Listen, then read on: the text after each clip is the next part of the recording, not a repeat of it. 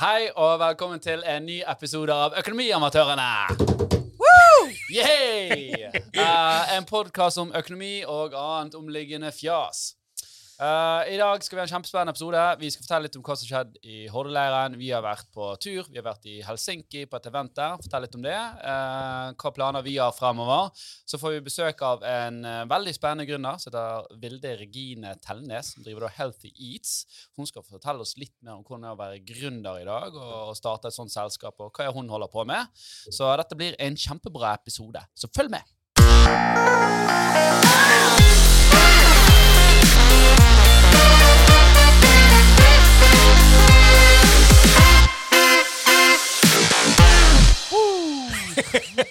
Jeg, jeg tenkte under eh, introen her at det begynner å gå inflasjon i at du sier at dette blir en kjempebra episode.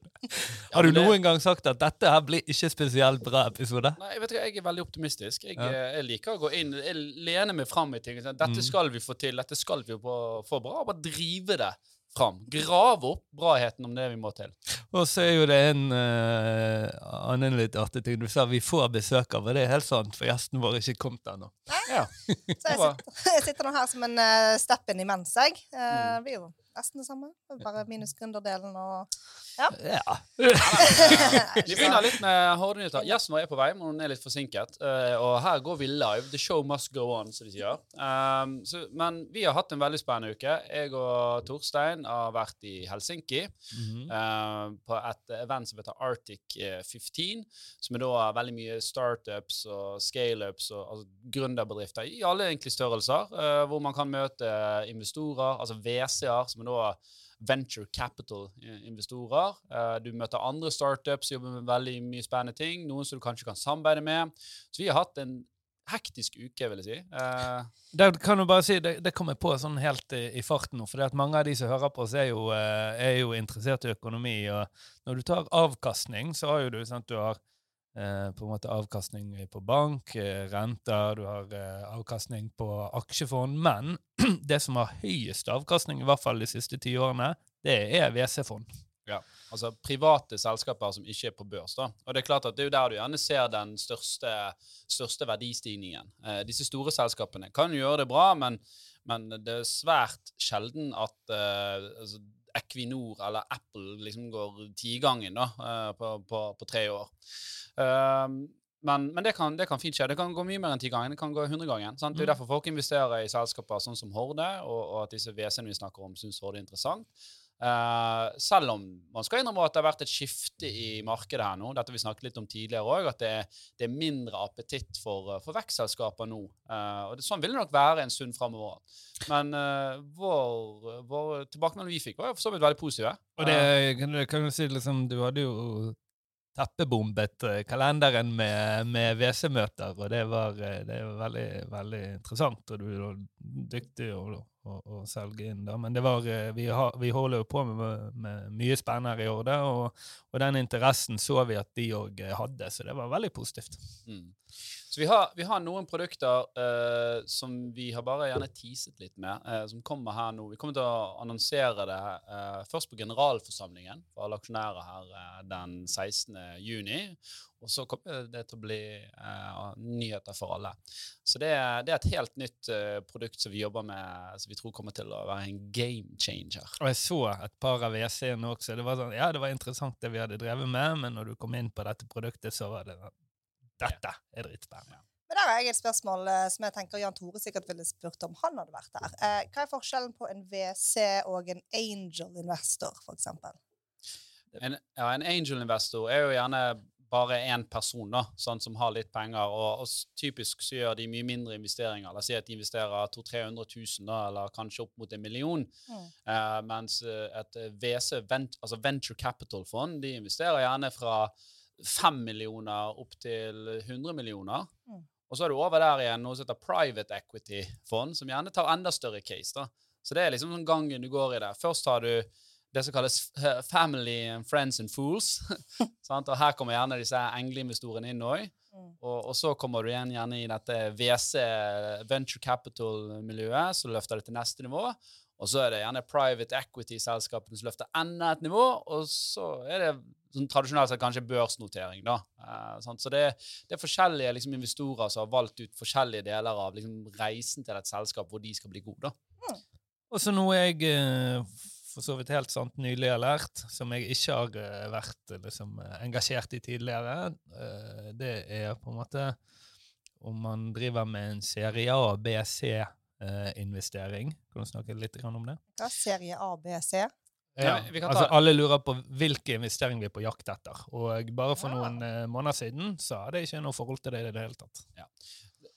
når du begynner den første investeringsrunden du har, la oss si du bare har en idé, da, så er det gjerne det som kalles en seed-runde. Altså et såkorn. Et frø, liksom. Et frø. sant? Ja. Eh, og da henter man gjerne inn mindre beløp, typisk gjerne noen 100 000, bare for å prøve å validere at dette her er, er liksom uh, noe bra. Det er til og med noe som heter pre-seed. sant? Uh, da er det gjerne bare sånn noe på papiret. Få litt penger for å skape et frø? Ja. ok. Uh, så, så der er jo det, det første liksom steget pre-seed og seed. Og så har du liksom early stage, da. Eh, som er at ok, her har man liksom begynt å lage noe. Man gjerne, man har gjerne fått liksom et produkt ut i, i, i markedet, men man er liksom ikke der at man, man tjener penger på dette, men det er en viss interesse for det. Eh, og, og så kommer jo du mer i disse her late stage som, som du snakker om, hvor man gjerne begynte å, å, å få uh, inntjening, da, og, og gjenska, altså, gjentagende inntjening. da, og Det er gjerne liksom et av kriteriene for å si at nå er du liksom i scale-up eller late stage. eller sånn. Så, så Horde for sin del nå, vi er jo nok i det som gjerne kalles en serie A nå, uh, det, det vi skal gjøre. da. Ja. Så, Og det vil innebære skalering? Ja, at vi har liksom en modell der eh, som, som begynner å bli, bli bra i Norge. Selvfølgelig er det mye vi må tvike på der òg, og gjøre endringer og tilpasse. Og det er mange ting vi har lært bare det siste året. nå. Det er ting som har fungert og ikke har fungert. Og, og, um, og så er det klart at nå eh, så, så, Vi har jo alltid en ambisjon om, alltid hatt en ambisjon om å gå ut av Norge, og det er litt det, det vi skal gjøre nå. Eh, for vår, vår modell er jo drevet på at vi egentlig har ganske lave marginer, men gjerne flere produkter, og da trenger du et større marked. Sånn. så Lille Norge er kjempebra. Det er veldig bra for å utforske nye ting. Veldig digital infrastruktur. Så det er en veldig bra sånn sandkasse da, kan du si, å bygge liksom ny teknologi eh, i. Men så må vi selvfølgelig klare å eksportere dette her til, til, til, til resten av verden. Mm. Så det er jo liksom første steget vårt nå, at vi lanserer jo her nå i sommer en internasjonal, eller i hvert fall europeisk da, eh, versjon av eh, appen, hvor vi tar eh, egentlig dette her eh, vennelånfunksjonen som, som er veldig populær i Norge og bare vokser helt av seg, seg sjøl, og lanserer egentlig den utover hele Europa. Det blir riktig å si internasjonal. Internasjonal. Ja, ja, men når du sier det, så tenker folk gjerne Det er ikke globalt, da. Det det er jo internasjonalt, definitivt, da, men, men bare for å spesifisere, så er det Europa vi ser på nå Ja. først. Uh, men definitivt så har vi noen produkter også som vi tror kan være veldig uh, spennende å se på i, borte i Uniten uh, der, eh, når, når tiden er klar. Men eh. Hvilke, Hey, markeder er det, hvilke markeder er det vi går inn i, da? Eh, vi vil nok fokusere på de større markedene i Europa. Uh, Tyskland og særlig UK. da. Uh, for det letteste for oss er jo å lage en engelsk versjon av appen. Så, så det kommer vi til å gjøre. Vi har inngått et samarbeid med hvor vi faktisk bruker Klarna sin lisens og DS Payment Rails. da. Altså DS Vi har jo en egen betalingskonsesjon i Norge som er europeisk, så vi kan gå til alle disse markedene. Men eh, det har vært veldig tidskrevende for oss å koble opp eh, mot tusenvis av banker i hele Europa. Mm. Så da har vi gjort en avtale med Klarna, for de er allerede oppe der. Og så bruker vi da deres eh, struktur for å lansere appen. Og så etter hvert som vi ser at nå begynner det liksom å bli bra med brukere i UK f.eks., og så går vi der og bygger vår egen infrastruktur og legger på flere produkter og, og den type ting. Så det, det er gameplan til alle konkurrentene våre der ute. Så hører dere nå eh, roadmapet roadmappet til Horde. Det blir veldig bra. Det ble veldig, veldig bra. Uh, og for det som er interessant, er at uh, det har blitt en voldsom sånn interesse for alternativ uh, finans de siste årene. Mm. Eh, og, og det kan være flere grunner til det, men altså statistikk, vi har sånn over 60% av liksom huslån i USA er nå ikke gitt av banker. Altså det som kalles non-bank players, altså mer sånn fond og, og den type aktører. 60% Ja, altså, Ja. 67, tror jeg Gud, det Ja. var overraskende. Og så er det nok mye sånn uh, backlash mot det som kalles uh, payday loans. da, som vi ikke har hatt så mye av i Norge, men som har vært litt sånn populært andre steder og fått veldig mye kritikk. Hvor det er disse egentlig SMS-lånet for å låne et par tusenlapper, altså sånn 3000 rente. Du tar ikke et SMS-huslån, da? Ja, det blir Nei, nei, nei. nei. Det, det, nei, nei. Altså, det, det er to forskjellige ting. da, Men, men at man, man har vært litt sånn sur på disse her eh, dårlige produktene som har kommet. da. Um, så, så da har det vært en sånn interesse for alternativ finans. eh, og, og vennelån som vi har laget, er jo, eh, er jo et eksempel på det, hvor du heller da kan sette opp da en avtale med noen i familien din eller venner og løse dette kapitalbehovet du har. sant? Om det er å låne til et eh, bryllup, eller eh, om det er bil, eller hva det måtte være. da. Så, um, så, så det ser, ser vi som et veldig spennende produkt. Vi ser jo det at det er interesse for det i, i Norge. Vi har brukt mye tid nå på å forbedre det, fått masse gode tilbakemeldinger om ting som har fungert og ikke fungert, og føler oss nå trygge på at nå kan vi ta dette her ut i, eh, ut i Europa. Mm. Det blir veldig spennende. Yes.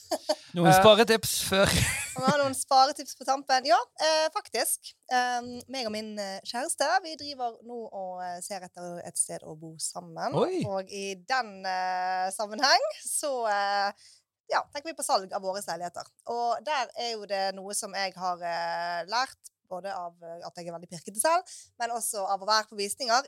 Det er det at de der små detaljene, det har sykt mye å si. altså. Noen sprekker i veggene, noe sånne altså, sånn, sånn som er sykt enkelt å fikse opp i, og billig å fikse opp i.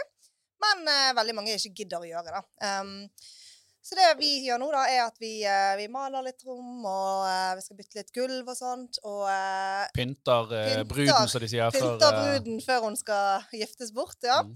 Um, og der er, har vi nå så langt faktisk eh, allerede spart ganske mye penger på å gjøre det.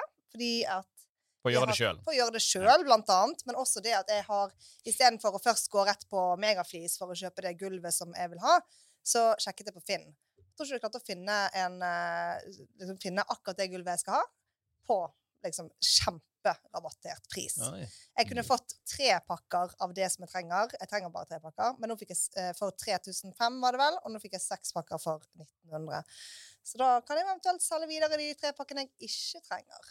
Maling også. Det har jeg hørt flere snakket om. Jeg var, min, eh, min sønn er jo tre år gammel, så de har sånn bursdag i barnehagen. Og satt jeg der med noen andre foreldre og snakket. Og de Mm. sa det at når de pusset opp ute, sånn, altså forskaling til mur eller sånn, de bare gikk på Finn, Ja. så kunne du kjøpe det der kjempebillig, og så bare solgte du det videre. Så, så Finn har liksom blitt en sånn plass for å gjøre sånne ting. Mm. Og om det er sånn du trenger en dass eller en vask eller et eller annet byggmateriale eller stillas, så det er utrolig hva du finner der inne. Ja, Det det er nesten irriterende å høre, for jeg hadde jo en totalrenovering av leiligheten min for et par år siden. Jeg tror ikke jeg var på Finn én gang. Åh.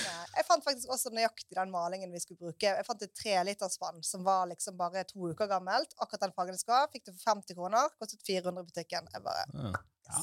Ukens sparetips, altså. Uh, skal du pusse opp eller gjøre ting i heimen, sjekk Finn. Du blir overrasket over hva du finner der. Virkelig. Da skal vi over til uh, ukens uh, gjest, som skal få lov å sette seg ned her i, eh, i, i stolen. Og det var supergod timing, for nå begynte vi å gå tom for tørrsnakk. Ja, så bra, så bra. Så endelig kommer jeg og redder dere. Ikke det Ja. fint? Er ikke det Mikrofonen veldig, enda nærmere. Veldig fint. Kommer og redder oss, det syns jeg var Det var du som satt oss i denne er situasjonen. Jeg er litt ærlig her, vet du.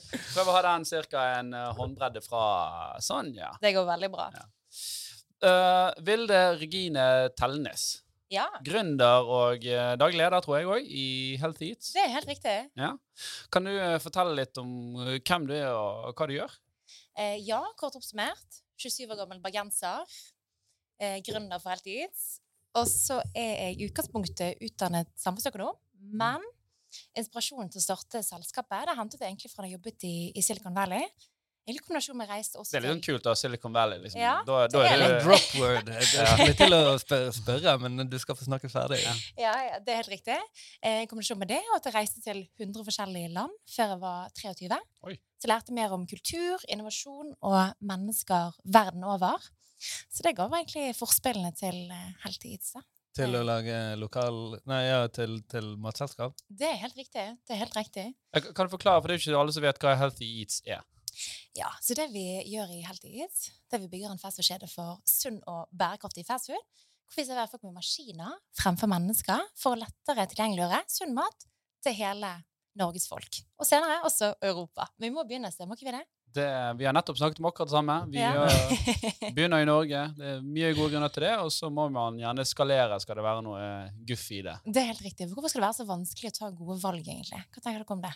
Nei, altså, jeg, jeg var eh, inne og så på dette på Jeg eh, tror på flyet på vei tilbake fra, fra Finland i går. Og det, Ehm, det jeg syns er veldig inter interessant, hva er uh, forskjell på um, en slik salat og for eksempel en du kjøper hos uh, Coop Mega i disken der? Selvfølgelig. selvfølgelig.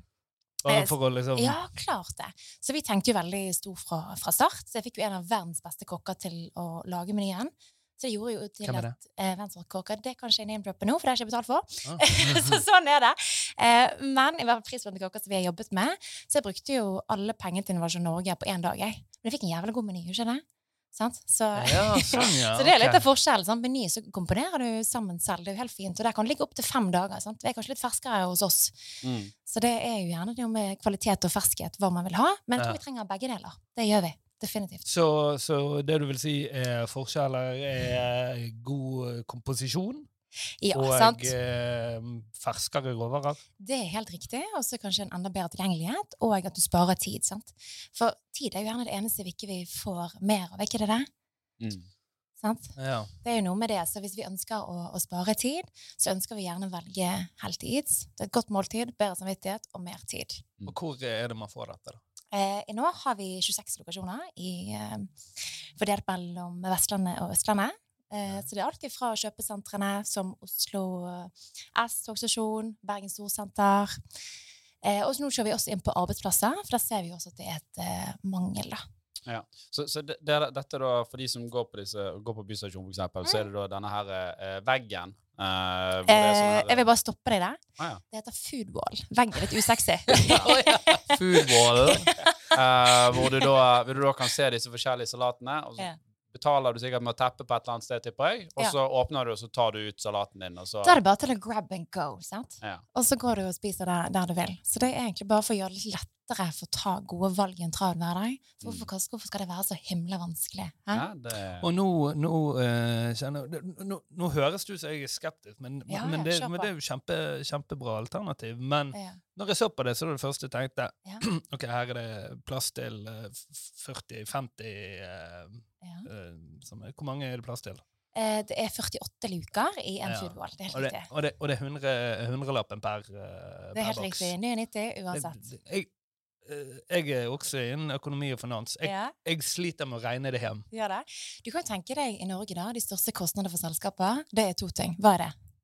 Ja, det er jo uh, folk. Ja, personalkost og så leiekost. Så Ja. helt fra start så snudde vi litt den tradisjonelle restaurantmodellen på hodet. Sant? Og så valgte vi å sentralisere kjøkkenet i, i hver by, og servere folk med maskiner fremfor mennesker. Altså, ja, ok, så, men, men noen må jo fortsatt lage dette, her, så du har jo personalkost. sant? Det er helt riktig. Råvarekost vil jeg tro òg.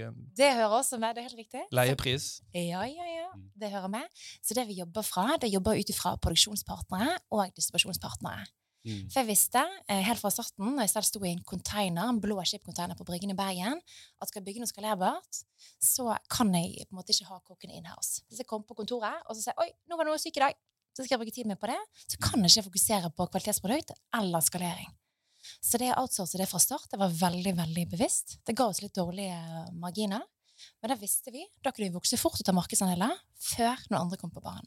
Ok, så det, det er det som er litt strategien. For hvis vi bare spiller videre på regnestykket der, da, så er det Mm. 48 luker, så det er 4800 inntjening. da. Og så er det Mm. lokasjon, du har liksom transport av dette her, og, og du har laget det. Så det kan ikke være høy margin på de produktene Det er eh, helt i riktig. dag. Så det her er jo volumsbasert, som, Ja. som mange andre case. Så det er helt, helt bevisst. Og her gjelder det å vokse fort og ta markedsandeler. Men så kan du tenke deg det, vi kan operere en foodwall på halvannen kvadrat. Så leiekostnadene er gjerne ikke så høye i forhold til andre store aktører. Mm. Og du kan tenke deg også, eh, investering i kjøkken koster jo millionbeløp. Mm. Vi jobber jo med produksjonspartnere, så investerer aldri i det kjøkkenet. Ok, så det, eh, her, er det, her er det et eller annet selskap som leverer til dere, samtidig som leverer til mange andre? Det er ja, delvis sant. Vi jobber med en stor produksjonspartner som har tilstedeværelse i hele Skandinavia. Og så produserer de på våre resepter. Mm. Sant? Så Ja. her er reseptene leverer vi for de prisbelønte kokkene. Sånn skal det være. Så jobber de ut ifra fra det, og også deretter på anretning. Ja. Og serverer de for oss. Og så har vi også en annen aktør som leverer det. Er dette typisk sånn her eh, altså storkjøkken som leverer mat liksom til eh, sikkert eh, både bedrifter og catering, men gjerne sånn offentlige eh, liksom, middager hjem til eldre og sånt. Er det sånn type kjøkken som gjør det, eller er det Ikke Men med deres oppskrift. ja, delvis. Men det er i hvert fall en stor industriell aktør som har også andre ting, eh, som har et kvalitetsstempel. Den aktøren vi valgte å gå for, var mye dyrere enn de andre. Men da visste vi her kunne vi få kvalitet. Og når du kommer ny eh, i markedet, så ikke du kan levere kvalitet, så har ikke du sjans mot de andre. For vi Ja, da skal det være billig, i hvert fall. da skal det være, da skal det være veldig billig. For vi nordmenn, vi er veldig vanemennesker. Mm. Sant? Så hvis vi er veldig vant til å gå til lokasjon A, for du skal bytte og gå til lokasjon B, så må ikke det bare være litt bedre, men det være vesentlig mye bedre. Og det visste vi fra start. og det visste vi. Hvis ikke vi eh, samarbeider med kvalitetsaktør, så har ikke vi sjans. Mm. Men dere dette var nytt for meg, da, men dere leverer jo tydeligvis til bedrifter òg, høres det ut som. Det er helt riktig. Det er egentlig litt interessant. For Ja, for da, da begynner jeg å skjønne liksom økonomien i det. For vi satt og regnet på det sånn OK, om du Mm. har da altså, så har du disse, disse kostnadene, la oss si at du har X sånne her det, det, det, er vanskelig å se liksom hvor marginene er i dette gamet. da. Sant? For det kan ikke være sånn at OK, nå har vi tatt markedet, så nå skal vi prise disse salatene til 200 kroner. Sant? Mm. Eh, Det blir jo litt sånn vanskelig i seg sjøl òg. det er helt riktig. Og så er jo gjerne salat litt negativt ladet ord. Så nå har vi begynt å gå over til food bowls. Så heretter så heter det kun Ah. food bowls. Okay? okay. Så det skal jeg komme til å ta Herfra og ut. herfra Food, ut. wall og food bowls. Food bowls, Ja. det er riktig. Koreansk, barbecue og det hele. Men hva vil, hva vil du si er liksom uh, hovedkonkurrenten til en sånn uh, food wall med food balls? For å si det, det kan fort være noe som gjør samme jobben. sant? Så om det er baconpølsen på, på Narvesen, eller om du går i køen på eh, Pokeballs. Det er sikkert det. Ja, eh, det er også. Ikke minst, ikke minst. Mm. Men noe som du kan få på veldig veldig kort tid. sant? Det er liksom de, de som klarer å fjerne alle friksjonene fra kundene. Jo, hva er det? Jo, det er kø og ventetid. Mm. Og vi tenkte, hva hvis vi bare kutter det til null? sant? Og det skjønte vi at kunden ville ha. sant? De ville ha et kvalitetsprodukt som var bra for deg, men de ville ikke ha noe ventetid. Mm. Og det skulle også være billig, og det skulle være sunt. Så jeg tenkte, hvordan er det mulig? Og det var derfor vi måtte bare snu den tradisjonelle modellen helt på hodet. Hvor mange sånne boller går det om dagen? da? Det går en del. Så, eh, ja. så det er derfor grunnen til at vi kunne ha ekspandert såpass fort eh, også, og skal ekspandere videre. Sånn som vi åpner på Oslo S, så sliter jeg nesten med å, å fylle på nok. Oi. Men jeg tenker jeg det er egentlig bare et luksusproblem, og da skal vi jobbe ut ifra fra det. Men da Det er jeg- 48 der også. Det er helt riktig, det er helt riktig, så da må du følge på mye oftere. Men det som er interessant, dere snakket jo om B2B-markedet. Ja, Mm. sant? Og det er litt spennende. For vi begynte jo egentlig som kun en B2C-selskap. Men det Mm. skjedde noe. Hva tror dere skjedde? Ja, en viss interesse fra, B2B, altså fra andre bedrifter. Da, tro. kjøpte de i lunsjen og tok det med på kontoret. Ja. Ja. Så det som skjedde, var at bedriftene begynte å banke på døren. Så sa de ja, men eh, hvor er løsningen til oss eh, kontorer? Dette vi, vi er en koronababy. sant? Mm. De var født midt under korona. Uh, you know the drill. Uh, og da skjedde de banket på, og så sa de "Vår- vår kantine er stengt ned på ubestemt tid. Vi har ingen løsning. Hvorfor har ikke dere noe her hos oss? Mm. Ja, skal vi se. Det kan vi helt sikkert få til. Så det var egentlig der B2B begynte å komme inn. Og til slutt så begynte det å ta over mye, mye større andel. Ok, ja, men det, det, Nå begynner det å ligne på noe. Så, så det disse her eh, lokasjonene da, det, dette, er sånn, dette er en sånn lærdomssak. For du kan ha noe som heter loss leader i et selskap. Det betyr at du selger et produkt eh, som gjerne ikke har høye marginer, eller faktisk negative marginer. Altså Mm. Power og Elkjøp, eh, disse her, de selger jo ofte TV og de taper penger på, Ja. bare for å få folk inn i, i butikken. Og så er som regel ikke den på lager, selvfølgelig, sånn, så du kjøper noe annet uansett. Helt riktig. Så, så det å ha liksom en loss leader, eh, som jeg kanskje begynner å anse at liksom dette her er, sant? men det gir deg promoteringen, det gir deg tilstedeværelsen, og så får du disse her bedriftsavtalene, som er sikkert er veldig mye mer økonomisk, for da leverer du liksom ett sted 40 boller og, og en faktura, og hei hvor det går, og da begynner du business. Nå har du begynt å skjønne Ja, litt her. Så begynner du å skjønne, skjønne sammenhengene. Og det er sånn, det var ikke det jeg begynte med, men så er det litt sånn at veien blir til mens man, man går. sant? Jo, men det er jo en fantastisk sånn egenskap som gründer òg, at man Mm. ser en mulighet og man tør å ta den. For det er nok mange som har sagt sånn nei, vi skal være hvis vi, vi er kun for konsumenter, vi driver ikke sånne bedriftsgreier. sant? Det er helt riktig. Og så det noe å gi kunden det de vil ha, og det er det vi måtte forme oss på eh, underveis også. sant? Mm. Og så er det mye mindre risiko for oss å ha Nå har vi sånn subscription til bedrifter. sant? De betaler en gitt pris til oss hver eneste måned for å ha en eh, minikantine tilgjengelig hos de, for å få sunn og digg eh, og næringsrik mat på arbeidsplassen. Og da eh, ja, gjør det at vi er mye mindre sårbare mot enhetssalg. Mm. Er det enkelte større selskaper som har liksom leveranse av Hvilke selskaper har dere flest leveranser til? Eh, Eller ja, eh, hvor, er hvor, vi hvor store er de leveransene? Det er jo det at de har en såkalt trusher hos de til enhver tid, da, så vi fyller på som minikantine hos de. Så da har vi hos KPMG, vi har hos PwC, vi har Vik Rein, vi har hos Haukeland sykehus. Disse advokatene de må betale litt mer. sant? Burde kanskje gi dem litt ekstra Du må gi pris. startup-rabatt, i hvert fall. Ja, ja, vet du hva? Kanskje vi skal få en opp eh, her òg. Prisdiskriminering er flott, det. Ja, det, det syns jeg. Neida, men det, vi har jo gjort litt på det. der. Så vi har jo standard, og så har vi premium. Mens Mm. advokatene og eh, disse konsulentene de går alltid for premium. De vil alltid ha det beste. sant? Hva er, hva er forskjellen? Nei, Det er jo halv pris for standard da, og dobbel pris for premium. Det er forskjellen. Ikke helt det, da. De får jo da få de arkitektene design og det hele. sant? Folk vil at det skal se litt sexy ut. Ja, så sånn er det jo. ja, riktig. Ok, Mm, så, det at, så du har ikke en Altså det er ikke en leveranse som tilsier at uh, hver dag eller uh, hver fredag skal vi levere 40 eller 50-100 stykker her. Det er bare at her skal det være et kjøleskap uh, hvor de kan forsyne seg når de vil. da. Det er helt riktig. Det er Ja, helt så riktig. det at deres, måte, deres inntekt er ikke garantert, men dere har vel kanskje Jo, du har jo et subscription, så de betaler uansett et abonnement for Ja, å ha det tilgjengelig, okay. og så betaler du enhetspris. Men noen selskaper velger jo gjerne å subsidiere mellom 20 til 100 Og konsulentselskapene og noen av advokatvirksomhetene vil gjerne subsidiere 100 Stilig. For de Mm. vet jo det der med at uh, det er jo ingen hemmelighet at hva vi putter i oss, går utover vår produktivitet. sant? Ja, så gjør det arbeidsplassen litt mer attraktiv. Det er litt mer, altså Hvis du kommer liksom til et eh, advokatselskap eller konsulentvirksomhet og ser liksom, ah, disse spiser ordentlig mat og så har eh, viljestyrke på det og det, da presenterer de, ja, presterer de sikkert enda bedre også. Så det er jo litt sånn. sant? Mm. Man ønsker jo å bli oppfattet som sunn og bærekraftig, eller å være det gjerne. sant? Mm. Eller bli assosiert med det. Vi er jo litt enkle, er ikke vi det, da? Ja, det, altså, advokater de går ikke i dress fordi de syns det er voldsomt komfortabelt. Sant? Det er jo fordi at du skal fremstå som eh, Profesjonell. Profesjonell. Og Det er helt klart at når du ser folk spiser eh, salat og er disiplinert, så tenker man oi, dette her må være flinke mennesker. Det er helt Eh, riktig.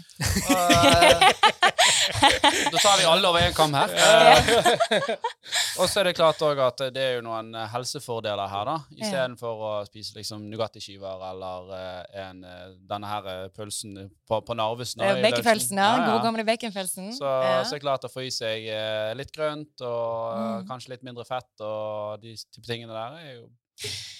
Ja, det har jo ingen, altså selvfølgelig har det mye betydning i forhold til livskvaliteten og hvor lenge vi ønsker å leve. Sant? Og det, du ser jo, det er jo så mye forskning på dette her at eh, vi, vi blir jo ikke ferdig med det, og vi skal prate om det i dag. sant?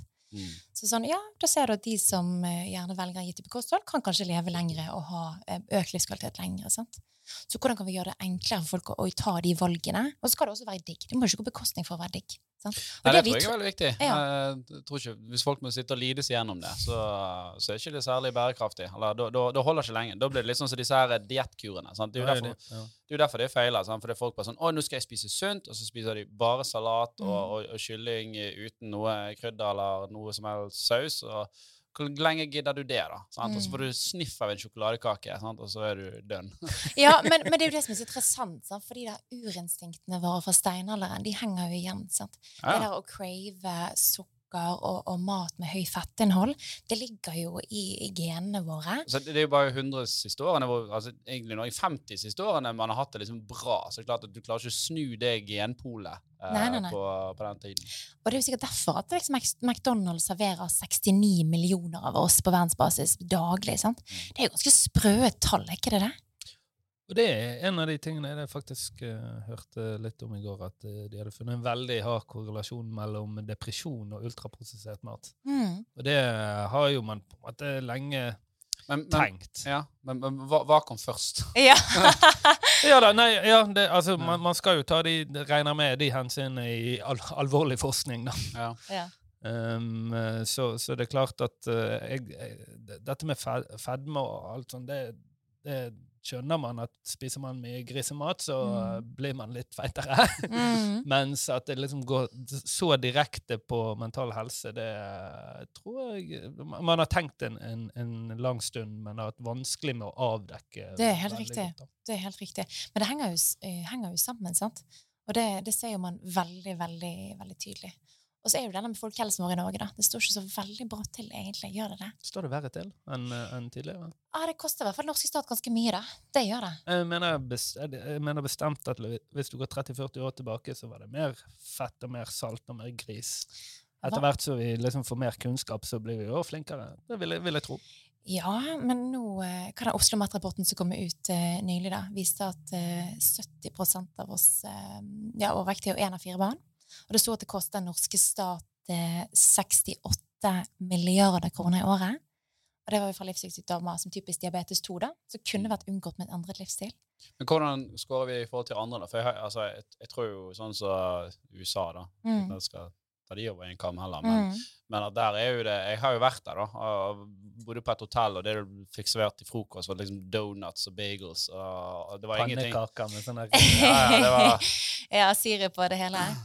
Ja, jeg tror nok eh, amerikanere har ikke vi helt nådd igjen ennå, da. Det, det har vi ikke. Vi, har Men vi jobber med det, sier du? vi jobber med det. Det gjør vi. det gjør okay. vi. Så det er jo greit å tenke litt forebyggende da, istedenfor å lindre. For det blir- koster jo ganske mye. sant? At 68 milliarder. Altså, Hva kunne vi gjort med de pengene? Det er våre skattepenger da, som vi betaler. sant? Nå var det jo valgkampen som var, sant? så sa de at eh, å elektrifisere den norske sokkelen ville koste oss 50 milliarder. tenkte vi, Nei, det var veldig mye penger. Sant? Men da vi tenkt forebyggende på folkehelse, så kunne vi fint elektrifisert den norske sokkel. Så det er Ikke at vi skal, gjø ja, ikke at vi skal gjøre det, men her er bare å bare sette noen referansepunkt hvor høye beløp det er, er snakk om. sant? Mm.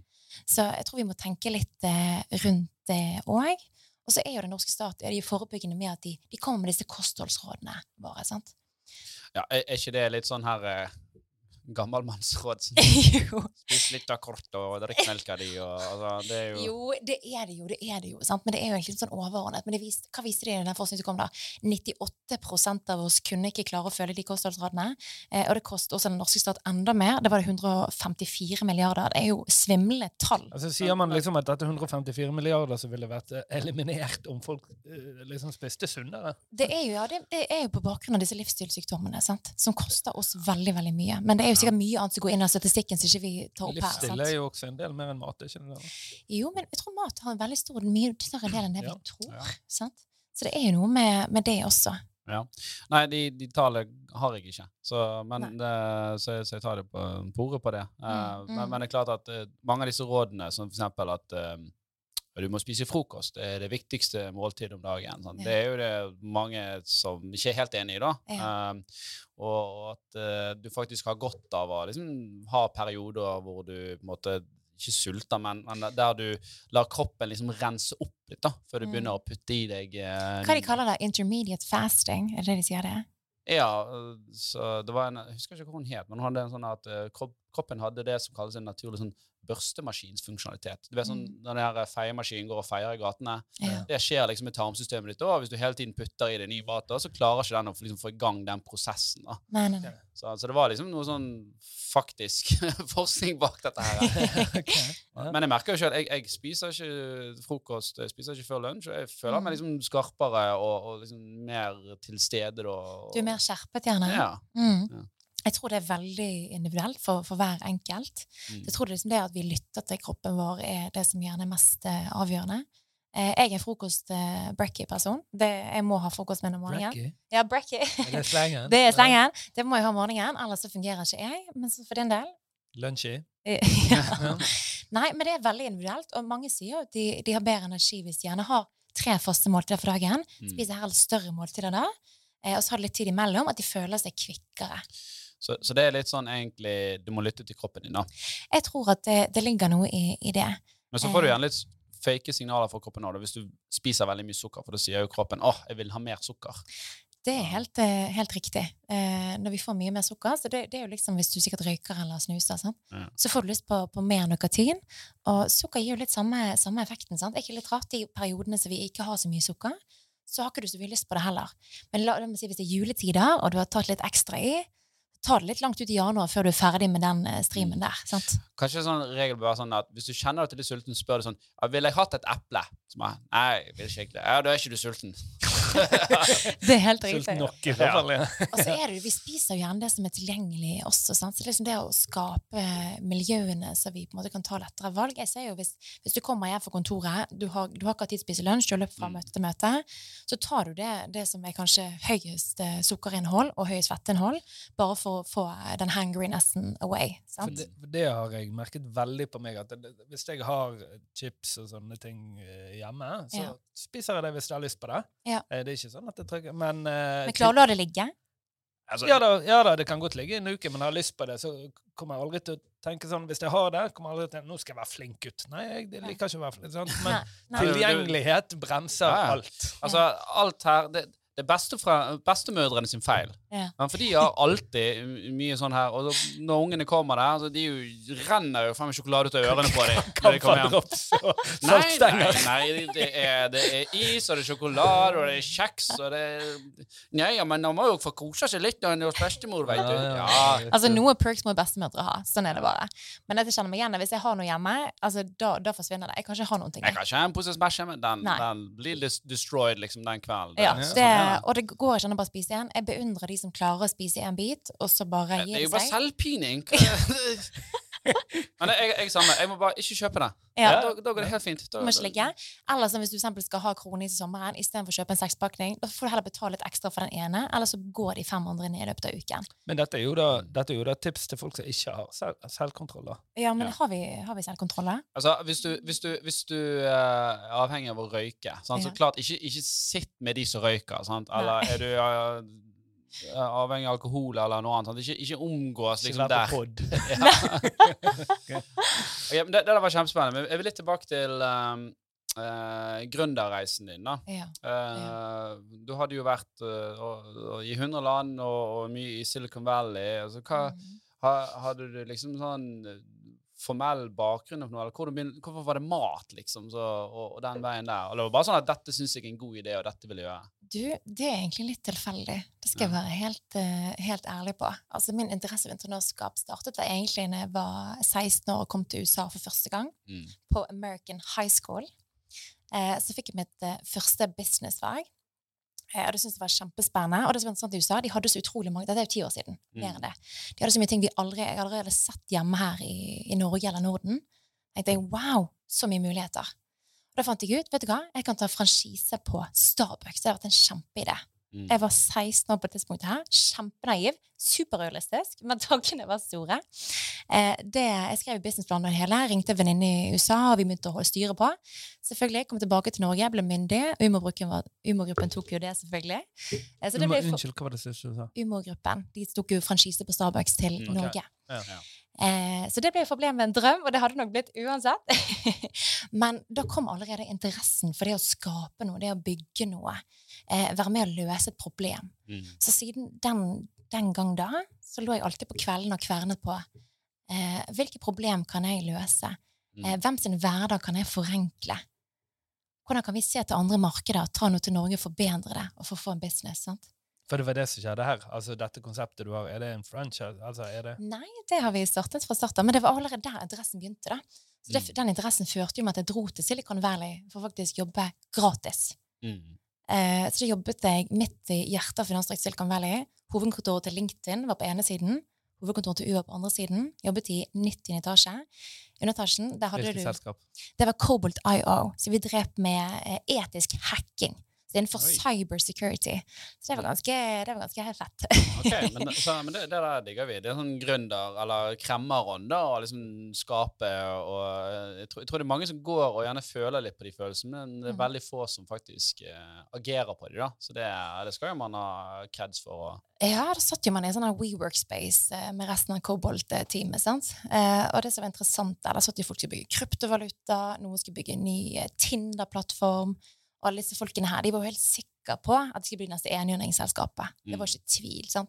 Grunnet et par selskaper tidligere, gått totalt konkurs. Mm. Men nå, nå skal vi lykkes. Ja, ja. Da kjente disse amerikanerne, er det derfor det kommer så mye vellykkede selskaper ut herfra som er med å forme fremtiden vår? Fordi at de tror at det er mulig? Jeg tror, sånn det, jeg tror det er av det her, det Genius eh, Grant. som Ja. de henter brain drain av hele verden. Ja, men grittet òg, sant? De, men, men det som er greia, sånn, for vi Nå tar jeg alle under én kam, da, og inkludert meg selv. Det er jo lett at man, man setter sine egne begrensninger. sant? Tror ikke det er mulig. Og gidder ikke vi prøve engang. sant?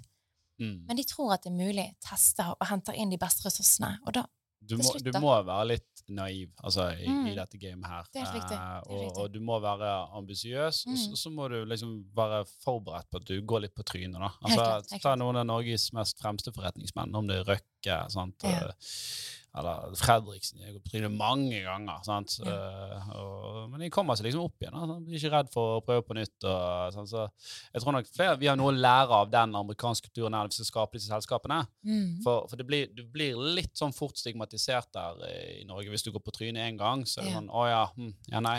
Ja, det skulle ikke gjort, nei. Ja, ja.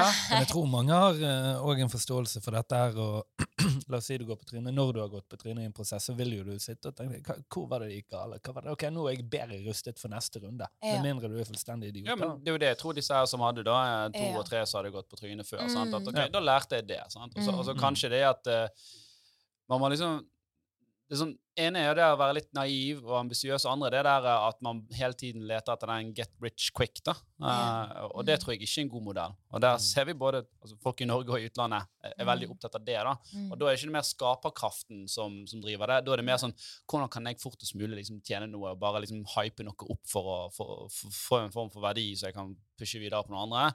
Liksom, krypto og NFT er jo et perfekt eksempel på det. Mange av disse her personlighetene trekkes til det. Eh, og nå får jeg sikkert mye PC her på, på sosiale medier etterpå, men, men, men, men selvfølgelig, selvfølgelig er det sånn. Sant? Altså, alle sånne nye industrier der det er, er, er lett liksom, å grabbe til seg, og man kan skape en hype, så fort eh, kan du bli rik, eh, tjene store verdier, men det er jo gjerne på at eh, naiviteten til noen andre.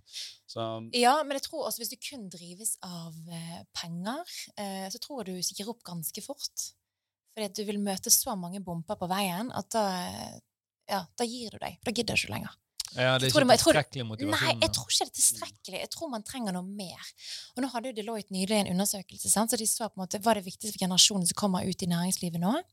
Og da så de at 45% av oss så er det viktigere å ha en jobb med mening enn lønn. 45 Der har det skjedd et enormt storskifte. Men det, det har jo litt med, med, med levestandarden nå, da. For det er jo Mm. mye studier som viser at hvis du tjener over 870 000, eller sånn, så betyr penger liksom mindre og mindre for det. da. Det er riktig. og det er klart at det er lett å si her i Norge, men bor du i et annet land og, og hvor ting er kjipere, Mhm. så er det gjerne at Ja, men jeg må jo ha mat, sant. Um, Ja. Og så får vi se. Det, det der kan endre seg nå. så det blir, Følg med på de tallene der. Nå når eh, strømprisene er tredoblet, og, Ja. og renten går opp, og maten blir dyrere, Ja. så kan godt være at folk liksom går litt tilbake og sier at nei, eh, det trenger ikke å bety så mye for meg, jeg trenger penger, for jeg vil dra på ferie. sant? Så ha det bra. Men skal ikke vi få staten subsidiere litt for den strømmen, da? Er ikke det det vi har blitt enige om? Jo, men det, det, der, det der er veldig vanskelig. Og for alle som tenker sånn, vi har jo så mye penger, hvorfor kan ikke bare Vedum bare slippe løs her? Eh, men, Mm. men du får jo en voldsom inflasjon av det. Mm. Det er forferdelig vanskelig å være politiker og styre disse tingene her. Mm. Sant? Men jeg vil jo absolutt tro at når du sier 870 hvis det Nei, jeg tror ikke tallet. Jeg tror det, jo, jeg tror det er rundt 900 et eller annet. jeg, tror det er riktig, i hvert fall fra Ja. forrige tall. eh, Men det er klart at da har man en eller annen margin inni der som er for eh, selvbruk eller selvrealisering eller hva det var. Mm. Eh, spørs jo sånn om du er singel, eller om du spist er- opp av eh, strømprisen, Ja, ja. så er det jo helt åpenbart at da må jo Ja, det- bli større. Ja, det er det jeg sier. sant? Og, og, og, og nå har jo du en snittlønn som er Nå ligger vel på 550 i Norge. sant? Så det, det, betyr jo at det er en del som tjener mer enn 550 år. da. Sant? Så ergo at uh, da 45 sier nei, jeg har det ganske bra, det er viktigere for meg å jobbe med noe som forfyller meg, enn om jeg tjener 870 eller 950. da. Mm. Sant? Eh, men eh, vi får se vi får se hvordan det, går. Mm. Men det, jeg, jeg liker definitivt den verden mye bedre. da. At folk liksom får gå og gjøre det de vil, og være drevet av det. For jeg tror definitivt du blir mer lykkeligere som, som menneske Mm. Men det er klart at det du gjør, må jo skape verdi for noen andre. For det er jo noen som må ha betalingsvillighet for, den, eh, for det du Det, det er helt riktig, og det du er inne på, det der med, med lykke. Sant? For hvis, hvis det du gjør, jobber med, ikke har betydning for andre, så vil det gjerne etter hvert ikke ha betydning for deg selv heller. Mm. Så det, det er jo noe som du er inne på, på der. Altså selvfølgelig så må du skape verdi, og at du har en, eh, en god forretningsmodell opp, oppi det hele også. Definitivt. Vi er jo flokkdyr. Vi er jo laget for å være i samfunn. Sant? Og, og det at hvis du føler at nå bidrar jeg til, til fellesskapet her, så gir det en god selvtillit og en god selvfølelse. Sant? Mm. Det er derfor. De som sånn, eh, om man, eh, altså, det er sikkert en høy korrelasjon med de som går på Nav og depresjon, f.eks. For Fordi at eh, jo da, de får penger til å leve, men det er ikke liksom de får ikke den liksom, selvrealiseringen da, som, som folk trenger. Nei, og det tror du er inne på noe. Sant? For hva sier de? At vi bruker ca. en tredjedel av livet på det vi kaller jobb. En tredjedel, det er veldig, veldig mye. Sant? Og noen sier at også eh, mesteparten bruker ti år av livet på TV. Er sånn, Hvor mye tid er det igjen, da? Men, men, men så, så er en annen ting som er viktig å si. da, det er at du kan finne Det er ikke sånn at ja, men jeg har veldig lyst til å male. Sant? Hvis, ok, hvis du er skittig å male, sant? så kanskje ikke det er greia for deg. og Vi, vi, vi kan ikke ha liksom, at 50% av befolkningen skal bare male og spille musikk. Men du kan finne lykke i liksom gjøre egentlig eh, andre jobber òg. Altså, det er ikke sånn at jeg og Torstein er lidenskapelig opptatt av eh, kredittkort eller eh, mobilpriser eller den type ting. Men vi er opptatt liksom på å løse dette problemet. da, sant? Ja. Og, så nå, nå er det veldig sånn fokus på den cost of living crisis. Sant? Hvordan kan vi liksom gjøre dette her? Da, da får vi liksom glede av det. Sant? Mm. Uh, Men der sier du noe problemet, problemet, problemet. Er ikke det alle gründere snakker om, da? Å løse et problem? jo, men om, om så du jobber som eh, du, si, er mekaniker eller bilvasker eller Mm. aksjemegler? Altså, prøv å bli det beste du kan av, av den versjonen. Sånn, Mm. Få glede av at eh, du er god i faget ditt. da. Altså, Går du og subber, så er det klart at det er ikke gøy. Det er ikke gøy for arbeidsgiver, det er ikke gøy for deg. Nei, nei, nei. Og så er det mange som sier at livet handler gjerne om å forbedre ting. Og det gjelder oss selv, eh, miljøet rundt oss, for andre.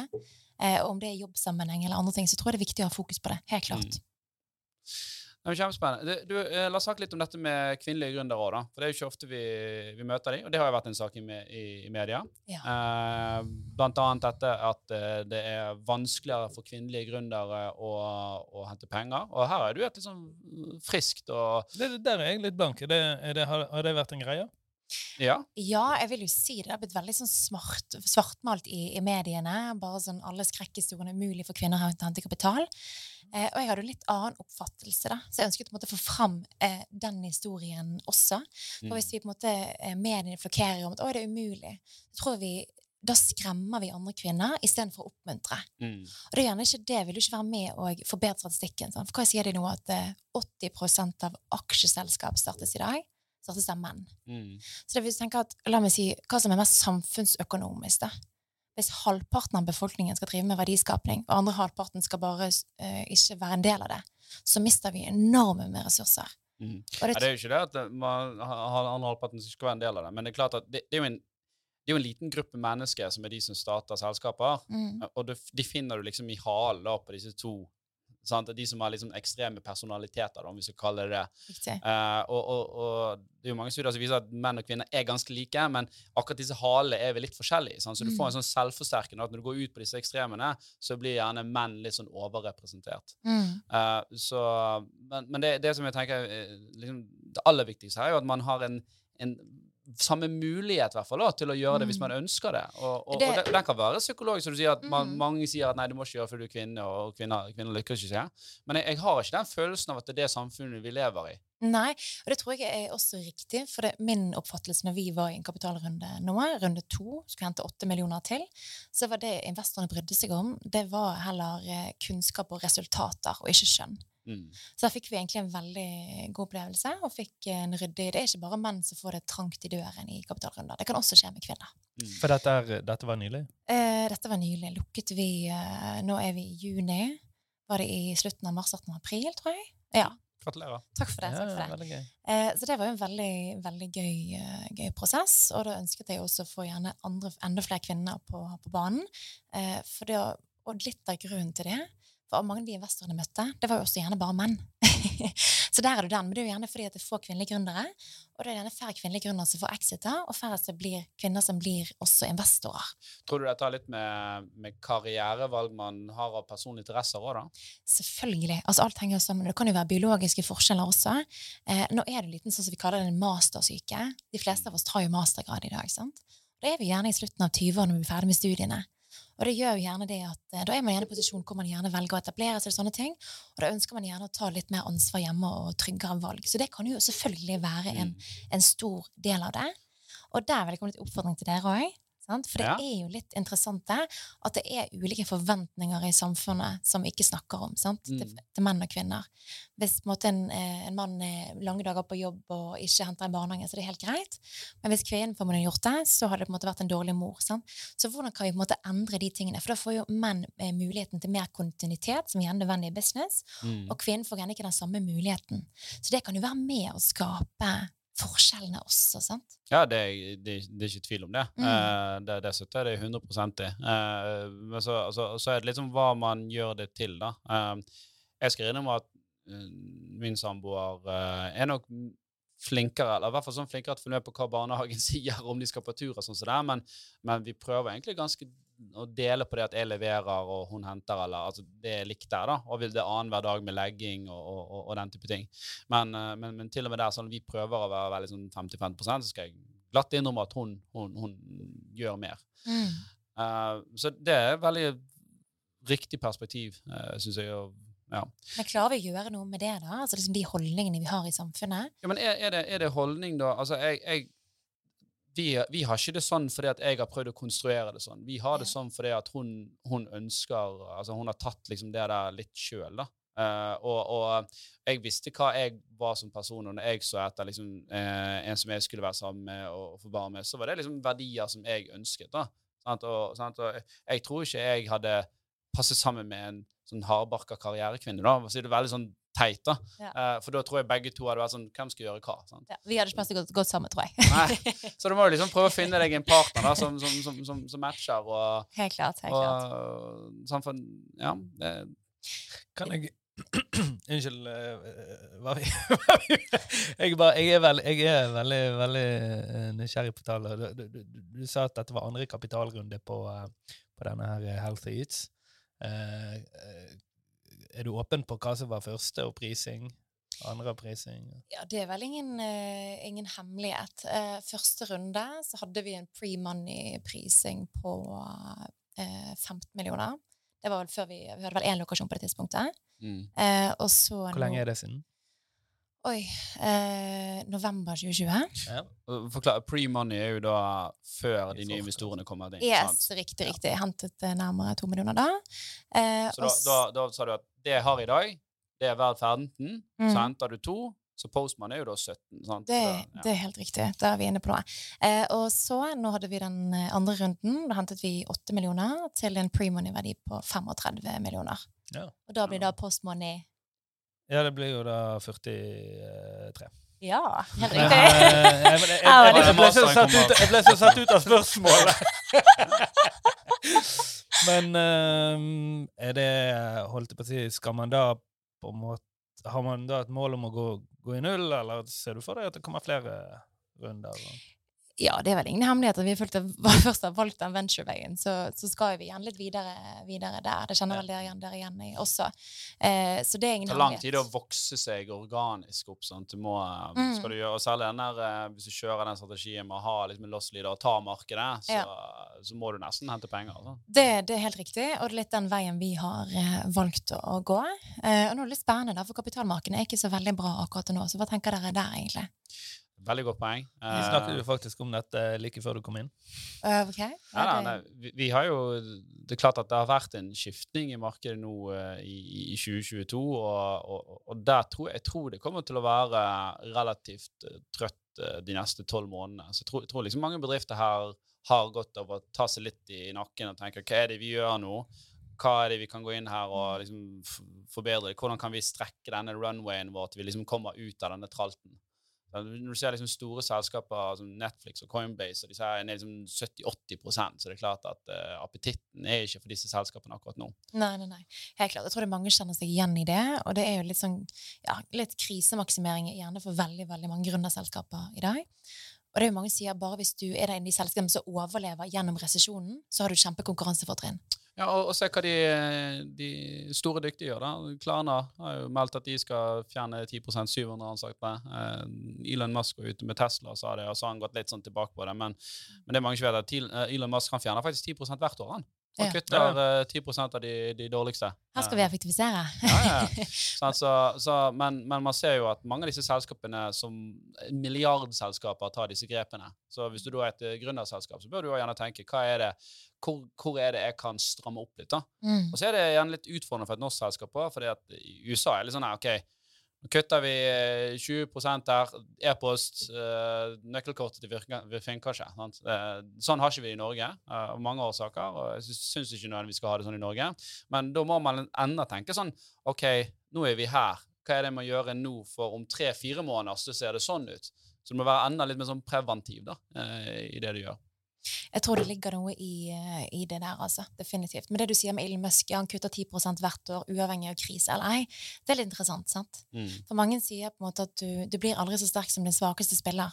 Sant? Mm. Så da legger vi nivået deretter. Så hvis en, en på, på teamet begynner å slekke, så vil jo også nivået bli deretter. Så det er noe å tenke på. Men det er, ikke, det, det er jo ikke en helt ny eh, strategi. Og for, for noen år siden så hadde jo Google en eh, sånn strategi at hvis du skulle få en jobb der, så måtte du alltid ha over snittet i IQ Mm. av eh, den totale pool i Google. Så det er egentlig jobbet opp en elite. da. Men IQ, hva legger du i det? Er det Nei, for det er jo persepsjon IQ, av eh, målt intelligens. sant? Mm, Så vet jo man at det er vi som lager disse her verktøyene, og det er vi som måler dem, men allikevel så er jo det det beste man, man har så Mm. langt. Og det er jo en, det er jo en eh, liksom IQ det er jo ikke noe det er jo ikke et verktøy fra 1800-tallet. altså Det er jo noe som stadig vekk blir bedre og bedre. og Mm. Det er vel eh, Det det egentlig skal måle, er vel eh, hvor fort du tilegner deg ny informasjon. Da.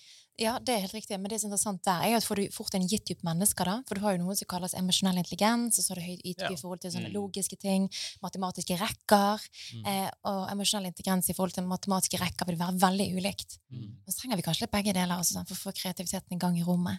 Og det kan godt være, Dette, dette er to-tre år siden jeg eh, så at de drev med dette. da, Det kan godt være at de har en bedre balanse nå, eh, men det kan godt være at de fortsetter i, i samme trall. Det er et ordtak som heter uh, altså C-students Nei, A-students working for C-students. Um, og det er jo gjerne at disse, disse veldig smarte menneskene de er litt for smarte av og til òg, så de blir veldig risikoaverse.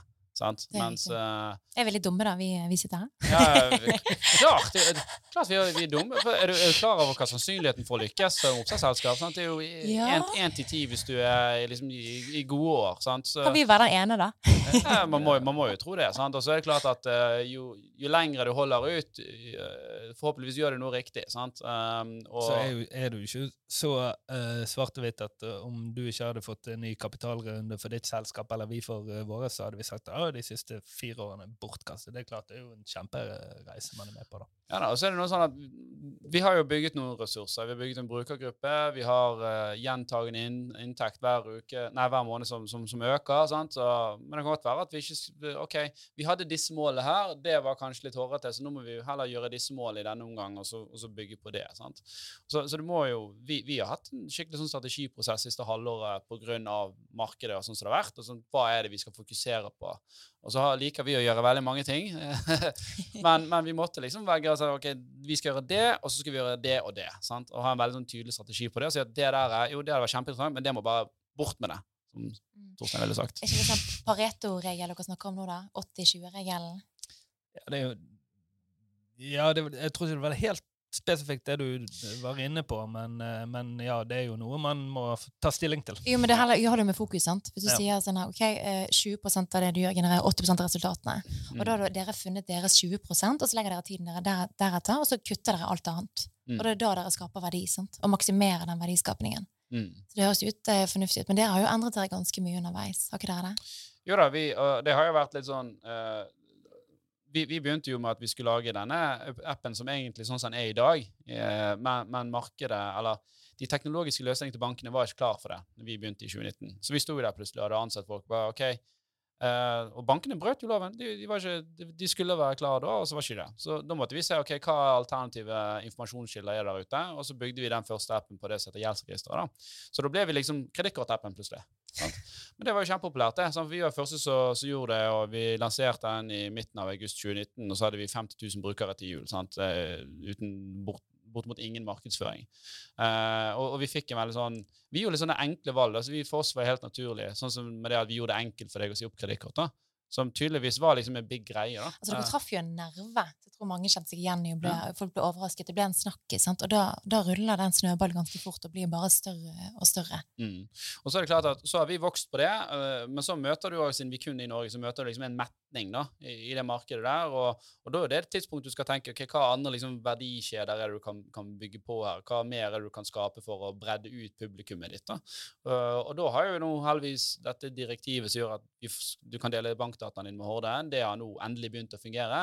Og endelig- PTS2-direktivet, eller? PSD2, ja. Ja, det var det. Så, så endelig liksom kunne vi lage det der. Så nå, nå har vi laget en ganske kul app her som ser på data fra tusenvis av mennesker, og, og, og rett og slett da sammenligner og ser liksom OK, Ville, du uh, har dette bruksmønsteret her. Jeg ser Du ligner litt på denne personen her, og denne personen har billigere mobilabonnement enn deg. Og så tipser han deg da at du, jeg tror du kan spare penger her. Sant? Og alt der skjer jo på en anonymisert uh, data, uh, selvfølgelig. da. Og, og, og litt sånne lavthengende ting som, men som ikke gjøres. da. Sånn for eksempel, vi, vi sender push nå hvis kredittkortet ditt plutselig blir rentebærende. da. Sant? Det er jo en bank som sier det at du, nå må du betale ned i full fart der. Sant? Men her får du liksom dagen det blir rentebærende, så sender vi deg en melding. Så at du, nå har det blitt rentebærende, vil du betale ned?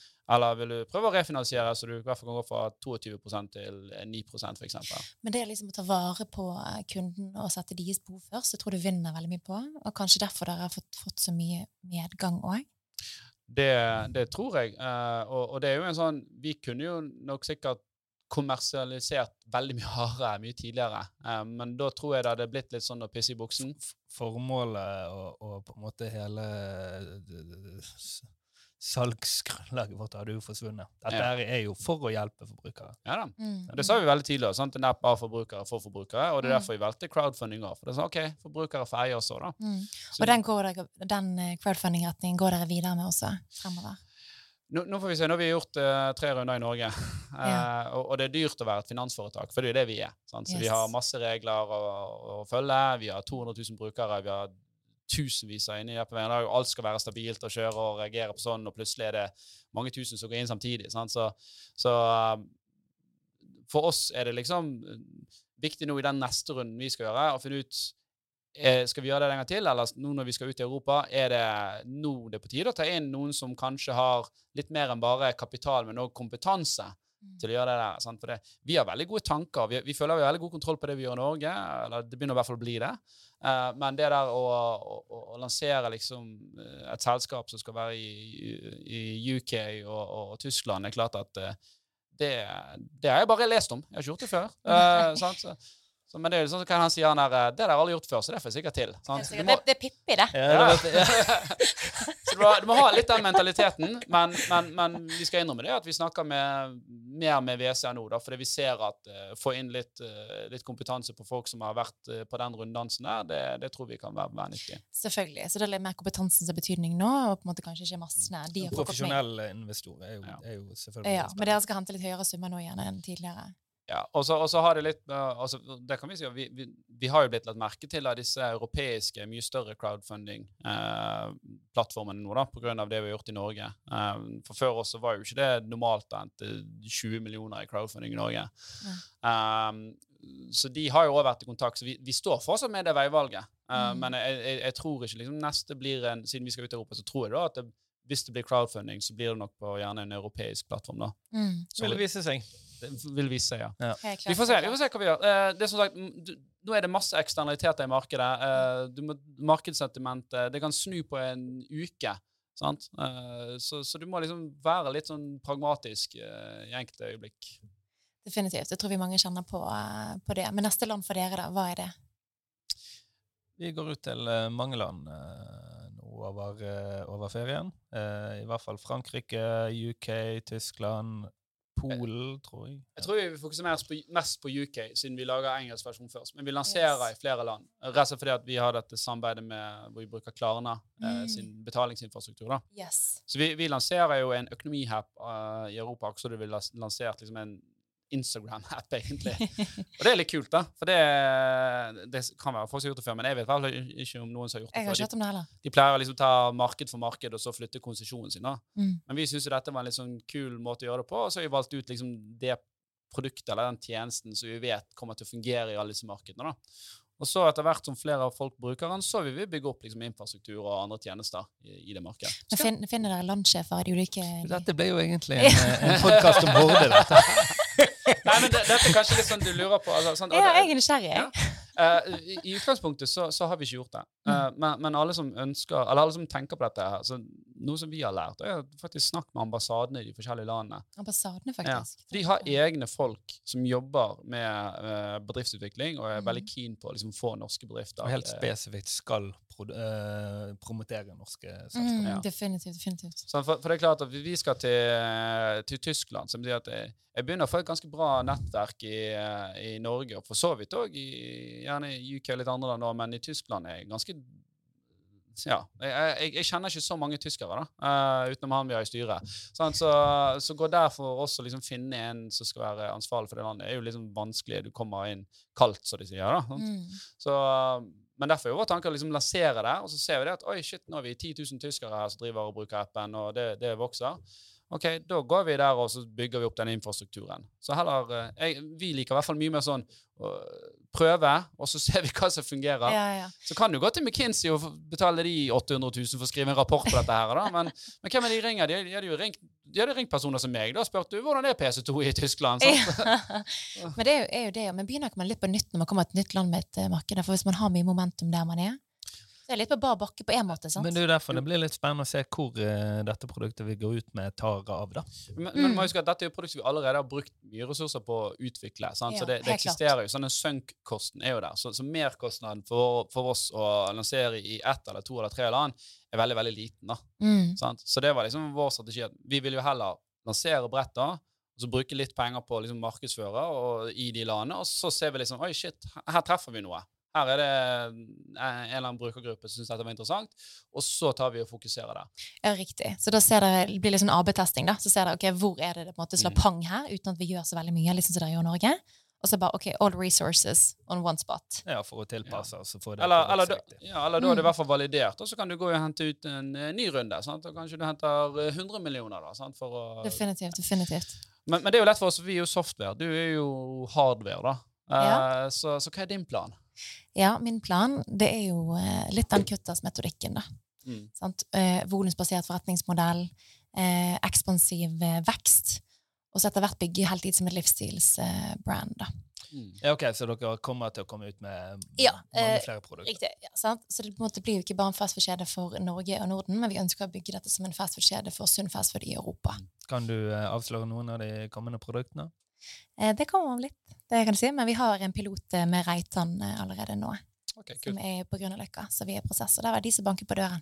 Men hvis den er på Grünerløkka, så er jo den oppe. Hva, hva er dette for noe, da? Det er også våre food bowls, Ja. eh, så derfor har vi begynt med det. Så får vi se om det kommer andre ting etter hvert. Mm. Mm. Ja, for, for, for Cutters har vi et veldig sånn spesifikt verdiforslag. sant? Mm. Cut time, cut here, cut cost. sant? Yes. Klipp det på 15 minutter. Helt. Hva er liksom Healthy Eats en sånn korte, hvis du skal Det som kalles elevator pitchen. Det er sunn fastfood. Ja. Helt i fastfood. Altså bare for altså gjøre det enklere å, å velge riktig. Mm. Mm. Altså godt måltid, bedre samvittighet og mer tid. Eh, de som ønsker å, å lære mer om, om deg eller Healthy Eats, hvor kan de følge deg? Twitrer du, eller eh, LinkedIn er du, eller eh, Du, jeg er på LinkedIn, på Vilde Regin Tellnes, og så er vi alltid på, også på heltids.no. Så er det jo selvfølgelig heltids.no på Instagram, så det må de sjekke ut hvis ikke de har testet. Det må dere sjekke ut. Eh, jeg har spist en, i hvert fall én gang. eh, det, det var ganske bra. Så du finner de på bystasjonen. Ja, det Ja. Ja, ja, men jeg, Helt greit, hei, greit. Det gikk Nei, nei, ned. men det, det var ja, Jeg, var, jeg synes det, var- det, var, bedre enn eh, Coop-greien, hvor liksom kyllingen har ligget der litt og sånt. Så nei. Jeg tar den, jeg. Ja, det tror jeg du må. Da tror jeg vi sier uh, tusen takk for denne gang. Uh, tusen takk til deg, uh, Vilde, for at du stilte opp her på, på kort varsel. Jo, takk, takk for Veldig meg. hyggelig og veldig, veldig artig. Det Merker, merker du du klarte å dra oss Altså, du, du var flink å, å stille spørsmål Ja. før alt beit på. Jeg er rett på han. Det er gøy. Jeg synes det er gøy Ja, å det er om dere òg, og den reisen dere har foran dere også. Det blir kjempespennende. Takk for det. Så sjekk ut uh, Healthy Eats på sosiale medier og hjemmesider og lokasjoner. Uh, vi er tilbake neste uke. Så takk for denne gang. Hei, hei. Ha det bra.